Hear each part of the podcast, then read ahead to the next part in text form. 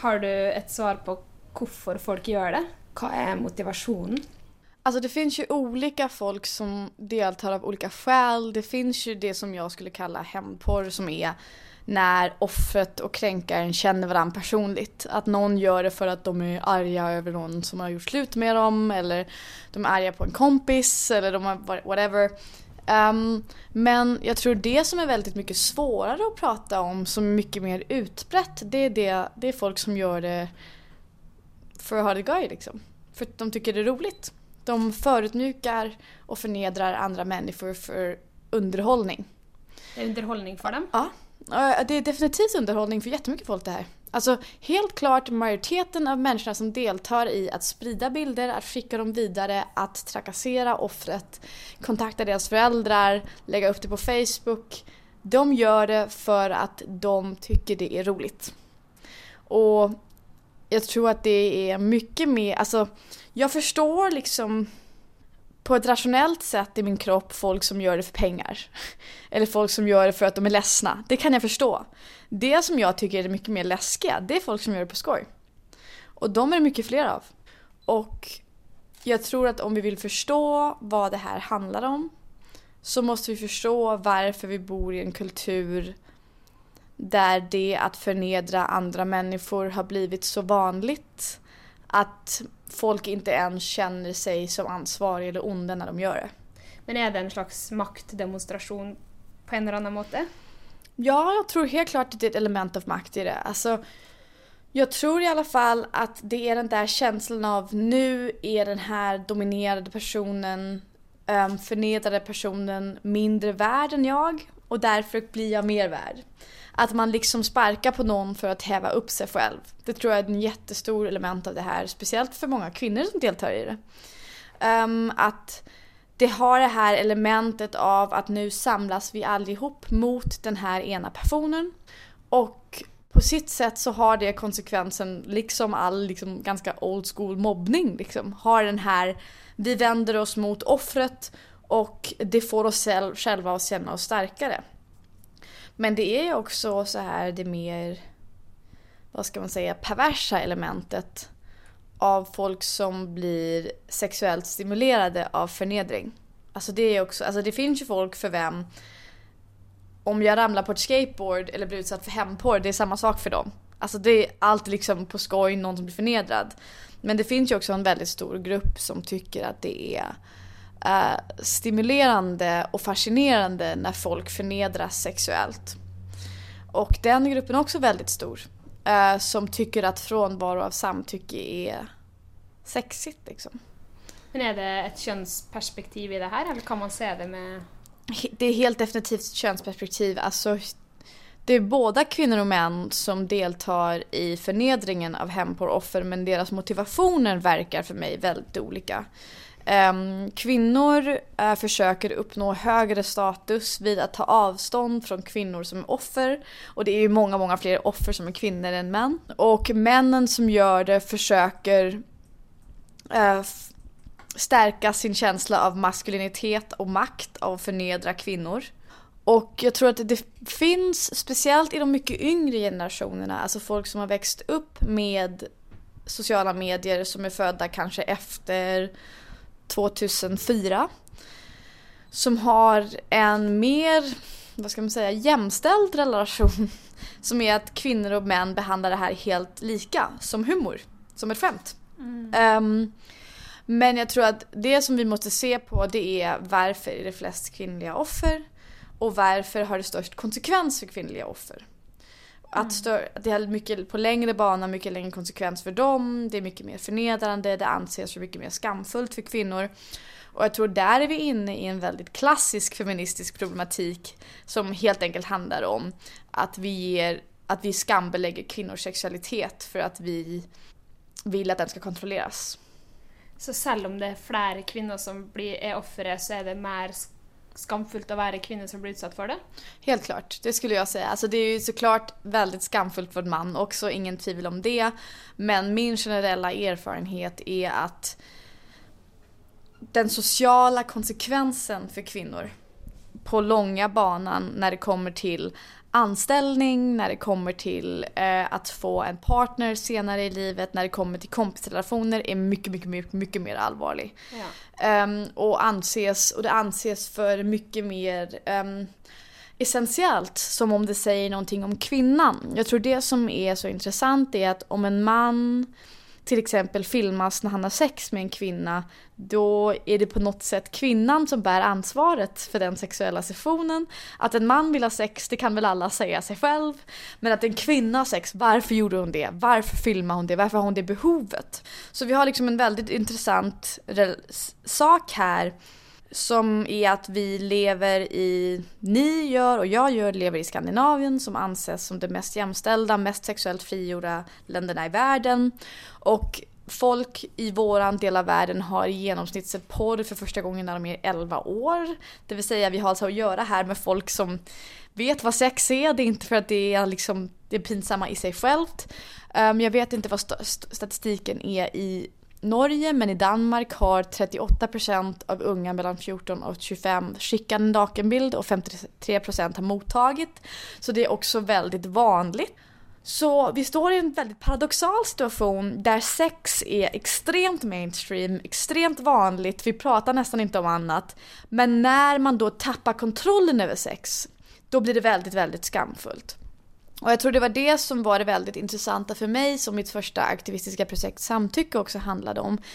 Det är att Problemet här är ju inte att folk ser mina bröst. Det som blir pinsamt är att jag inte har gett dem lov att se mina bröst. Det är liksom det som, som blir det skamfulla. Vet hennes föräldrar? Vad är så? Alltså, vet hon att de är här? Vet hon att jag ser det? Det är hela um, det förbjudna som gör det här så väldigt, väldigt pinsamt.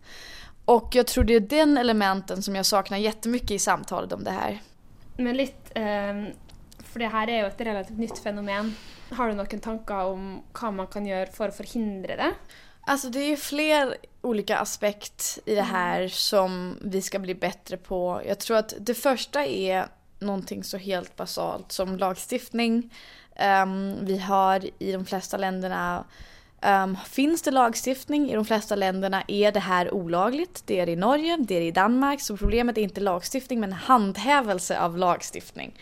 För det som är problemet är att att kränka någons privatliv är olagligt i de flesta länderna. Det står i människorättigheterna. Och då kan man fråga sig själv varför sitter jag då här? och ska ha det här samtalet och debattera huruvida det här ska vara olagligt eller inte för det skulle vara helt clean cut. Problemet är ju bara att vi har internet som många människor, speciellt som är äldre än ni och jag, inte tycker är verkliga livet. Och vi har några polisstift som inte har resurser att prioritera kriminalitet på internet alls. Som har, som har skurits ner jättemycket, det prioriteras inte. Um, så vi har liksom ett problem, inte där hemporr inte är olagligt men vi har problem där hemporr de facto blir lagligt för att det inte handhävs. Och jag hör liksom konstant igen och igen och igen i alla länder att man ringer polisen och man får inte hjälp och de säger att så här, det kan vi inte göra någonting åt och det var det de sa till mig. Så jag tror att vi har också en bredare problematik här i hela vår, hela vår generation som är att väldigt mycket av vårt sociala liv är på internet och det är ett laglöst ställe. Och det gills ju också om någon stakar dig, om någon hotar dig, om någon imiterar dig, om någon stjäl din identitet. Alla typer av kriminalitet som försiggår på internet är jätteunderrapporterade, jätteoundersökta och väldigt, väldigt få blir dömda för saker de gör där. Så jag tror att vi måste se det här som en, en del av en större problematik som är att kriminalitet på internet helt enkelt inte efterforskas. Så det är, det är det första som ju gör att de som gör det vet att de inte kommer bli straffade. Så det, jag är ganska säker på att det skulle vara en ganska stor preventiv effekt om 15-åriga killar på rad skulle börja bli kastade i fängelse liksom. Det tror jag skulle ha, få folk att vakna upp och känna att det de gör faktiskt är kriminellt och har variga konsekvenser för offret. Det andra som det här också handlar om det är tror jag en större vetskap om vad internet är och vad teknik är. Jag tror att det är väldigt, väldigt många i vår generation som varenda dag använder datorer, plattor, iPhones som de inte har någon aning om hur fungerar. Och det betyder att när då skadan sker, då vet du inte vad du ska göra. Eller när du gör skada på andra så förstår du inte vad det är du gör. Alltså väldigt många, när jag står och pratar för en skola och jag säger nej men jag blir fortfarande trakasserad på grund av bilder som blev delda för 20 år sedan. Så säger de varför? Och jag bara säger nej men för att andra tar dem och lägger dem andra ställen. Och de bara, alltså folk förstår inte vad det är för plattformar de använder. Så det kräver också så en helt annan sorts förståelse för vad internet är. Mm. Väldigt många förstår inte vad det är och när vi har folk som är 12, 13, 14 år som använder internet då kräver, krävs det väldigt mycket av dem. Så någon måste lära dem det. Men jag tror helt basalt, då är det sista stora svåra punkten den samma problematik som vi har um, gentemot de flesta andras typen sexuella övergrepp som är en kombination av en etisk problematik och en problematik med sexism. Den etiska problematiken kom jag in på lite förut men det handlar om det här att hur kan så många människor delta i det här? Alltså det är den fundamentala frågan vi måste fråga oss själva. Varför sitter helt vanliga skolelever och systematiskt sexuellt trakasserar sina klasskompisar? Alltså det tycker jag är en ganska relevant fråga att ställa sig själv som jag inte tycker vi har ett bra svar på. Att hur kan det komma sig att i ett samhälle som vi anser för progressivt, ett samhälle som vi anser för sexuellt frigjort kallas unga tjejer för horor av sina kompisar? Ehm, den dynamiken har vi inte förstått än. Och den handlar i väldigt hög grad om sexism och om en sam ett samtal om sex och en sexuellt fri en sexuell frigörelseprocess som tydligen inte är så fri som vi tror.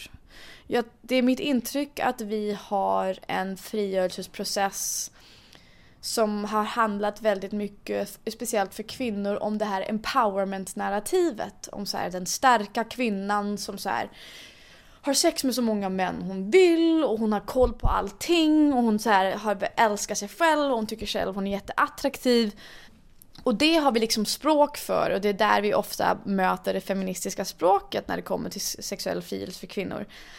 Men vi saknar ett språk för det sexuella våldet, för den sexuella frånvaron av kontroll, för skammen um, och för hur vi pratar om den person som inte känner sig cool och empowered. Som känner sig jättemaktlös och som känner sig missbrukt och använd och missförstådd och maktlös. Och jag tror att den, det samtalet skulle jag jättegärna vilja kunna öppna upp mer för det tror jag jag kände själv att jag känner mig stark på några sätt som kvinna. Jag känner att jag har viss koll på några saker i mitt liv men också saker jag inte har så bra koll på.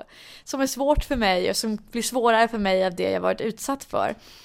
Och vi saknar väldigt mycket språk för kvinnor som inte har kontroll. Um, och det tycker jag är jätte, jätteviktigt. Och så tror jag, som jag också nämnde, för att vi helt enkelt ska förstå varför vi lever i en kultur där förnedrande av andra människor är så mainstream. Alltså vi har ju hela tv-program som bara handlar om att förnedra folk. Förnedra folk för att de är fattiga, för att de är dumma, för att de är tjocka, för att... Alltså, vi förnedrar folk hela tiden som underhållning. Så jag tycker också att de generationerna som är äldre än oss har en tendens att tvätta händerna och tro att det här inte är deras ansvar. Men de har alltså varit med och fostrat de barnen som skapar de här hemsidorna och som skapar den här kulturen. Och de har, de inte, de har inte lärt det från främmande, de har lärt det från TV att det är helt okej okay, att den som gör det ondaste skämtet, den som så här, gör den bästa mimen, den som lyckas så här, göra den skarpaste kommentaren som är allra ondast och flest likes vinner. Och det är alltså inte barn som har uppfunnit det, det är vuxna som har uppfunnit det. Och jag tror att det är den kulturen och det inre behovet som alla människor har för att ha makt. Och att lyckas kontrollera det behovet för att skona en annan. Det är det som är det svåra här. För det är klart, det lättaste är att vara med och förnedra. Det svåraste är att säga nej. Och det är väldigt många som har väldigt svårt för det och som inte känner att det är deras ansvar. Men du säger att eh, när du går till politiet, eh, om man har blivit utsatt för det, så får man som regel höra att vi kan inte hjälpa det. Ja. Är det är det vanskelig å ansvarliggjøre noen som har gjort det här? För det är ju som regel många som delar och... Ja, jag tror att just nu i polisläge um, och i det sättet, alltså bara om vi ser på ordet hämndporr som är det mest utbredda ordet som, för att beskriva den här typen av kriminalitet så har vi ordet hämnd som eh, fokuserar på en personligt motiverad typ kriminalitet och så har vi porr som sexualiserar det. Det är så här direkt tabloidord och jag, jag mår lite dåligt när jag säger det. Jag tyck, för jag tycker så här, det är obehagligt men jag förstår att det är så utbrett och jag är tvungen att använda det liksom. Men vi har enormt fokus på den här berättelsen om ex-pojkvännen som är jättearg och så här laddar upp någon bild på sin ex-flickvän. Um, men det narrativet är så här 5% av det vi pratar om här. Det är en väldigt, väldigt liten del orsaken, alltså om det bara var det, då hade det varit det liksom. men orsaken att det här blir så jävligt smärtsamt är ju att det är tiotals, tusentals folk som deltar efteråt. Och de pratar vi nästan aldrig om. Och jag tror att vi har, att orsaken att vi inte gör det är för att det påminner oss om saker i vårt samhälle som vi inte gillar. Alltså verkligen de fulaste sakerna i vårt samhälle. Eh, majoritetens um, gängan upp mot eh, den utsatta personen, mot minoriteten, våran, allas behov att för, förnedra andra, allas behov att själva bli älskade, allas behov att häva upp sig så de kan trycka ner andra. Alltså det är verkligen de fulaste sakerna i människan som det här visar någonting om. Och när vi har ett ord som hämndporr, då har det ordet också en väldigt stark diskursiv effekt på hur vi hanterar det här. Och det har det haft ja, hos polisen. För polisen när de tänker hämndporr så tänker de onda expojkvännen, han ska i fängelse. Och jag förstår den reflexen, men att kasta honom i fängelse, alltså jag vet ju inte vem som gjorde det här mot mig. Men att kasta den personen i fängelse skulle göra jack shit för mig liksom. Alltså det skulle inte ändra någonting för mig. Kanske skulle jag få någon sorts känsla av justice liksom, kanske. Men, men det skulle inte hjälpa på alla andra. Och jag tror också att vi ska ha ett väldigt viktigt samtal om hur vi pratar om internetkriminalitet. Alltså att om någon laddar upp en olaglig video ska alla som ser på den i fängelse. Om någon delar en bild olagligt ska alla som delar den i fängelse. Alltså så här, hur mycket personligt ansvar har vi egentligen? Vad tänker du då? Jag tycker att att se på någonting är inte en handling, men att dela någonting är en handling. Jag tror att det är så jag separerar det in i huvudet. Alltså det finns någonting som heter förbruk och så finns det någonting som heter distribution. Och jag tror att vi måste skilja de två åt. För vi måste också säga att det kan ju hända att man faller över material som man inte vet är olagligt, som man inte vet är hämndporr, som man inte vet är porr utan samtycke. Men det är distributionen som är det stora problemet. Och det är de människorna som måste ställas till ansvar. Och jag tycker att det är höga tid att vi som använder internet får en större medvetenhet om att det att distribuera någonting är att ta ansvar för det materialet. Att om du distribuerar material där någon så här, kommer allvarligt till skada, liksom, då har du bidragit till deras förödmjukelse. Mm. Att sprida ut den, det ansvaret har du. Och som offer för hämndporr, där får man alltid veta så här, ta nu ansvar för dina egna handlingar, det var du som tog bilden. Och bara så här, nej men jag tar ansvar för mina handlingar. Ja, jag tog en bild på mig själv. Ja, jag skickade den till min pojkvän. Ja, det gjorde jag liksom. Men det är väldigt få som säger Hej random kille på Facebook som skickade bilderna till Emmas mamma. Varför tar inte du ansvar för dina handlingar? Och den placeringen av ansvar tycker jag är väldigt intressant. Jag skulle spørre, det är nog många föräldrar som säger till døtrene sine moral är inte ta bilde av det själv, ja. inte gör det. Stöttar du det? Nej. Alltså, jag tycker att vi lever i ett rättssamhälle. Och i ett rättssamhälle bestämmer inte kriminella hur laglydiga borgare ska bete sig. Och det vill säga att om du går nere på Parkvägen där vi sitter och någon slår dig i ansiktet, då säger inte dina föräldrar aldrig gå på Parkvägen igen, där slår, blir folk slagna i ansiktet.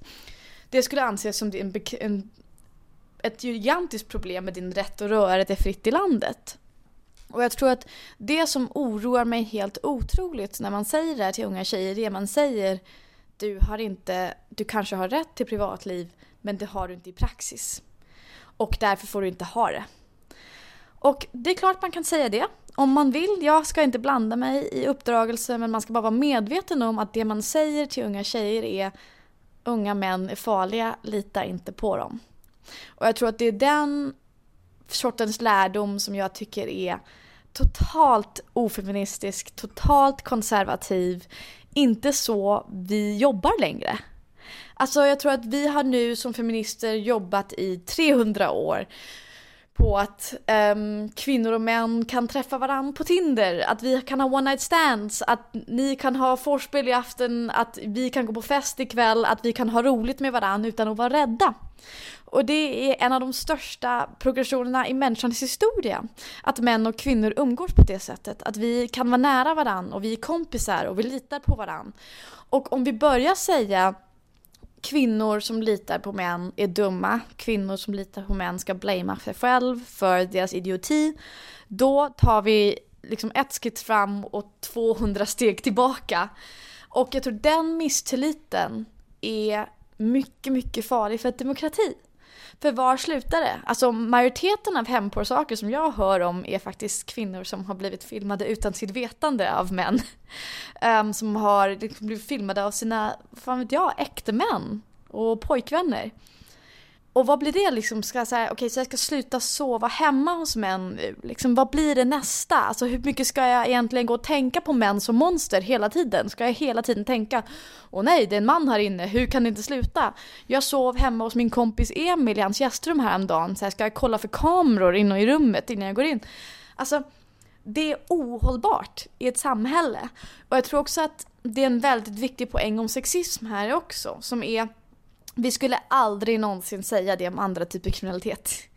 Alltså det skulle vi aldrig göra, men saken är dessvärre att kvinnors rätt till att vara sexuella, kvinnors rätt till yttrandefrihet, för det är också det det här handlar om, kvinnors rätt till privatliv har aldrig ansetts för särskilt viktiga rättigheter.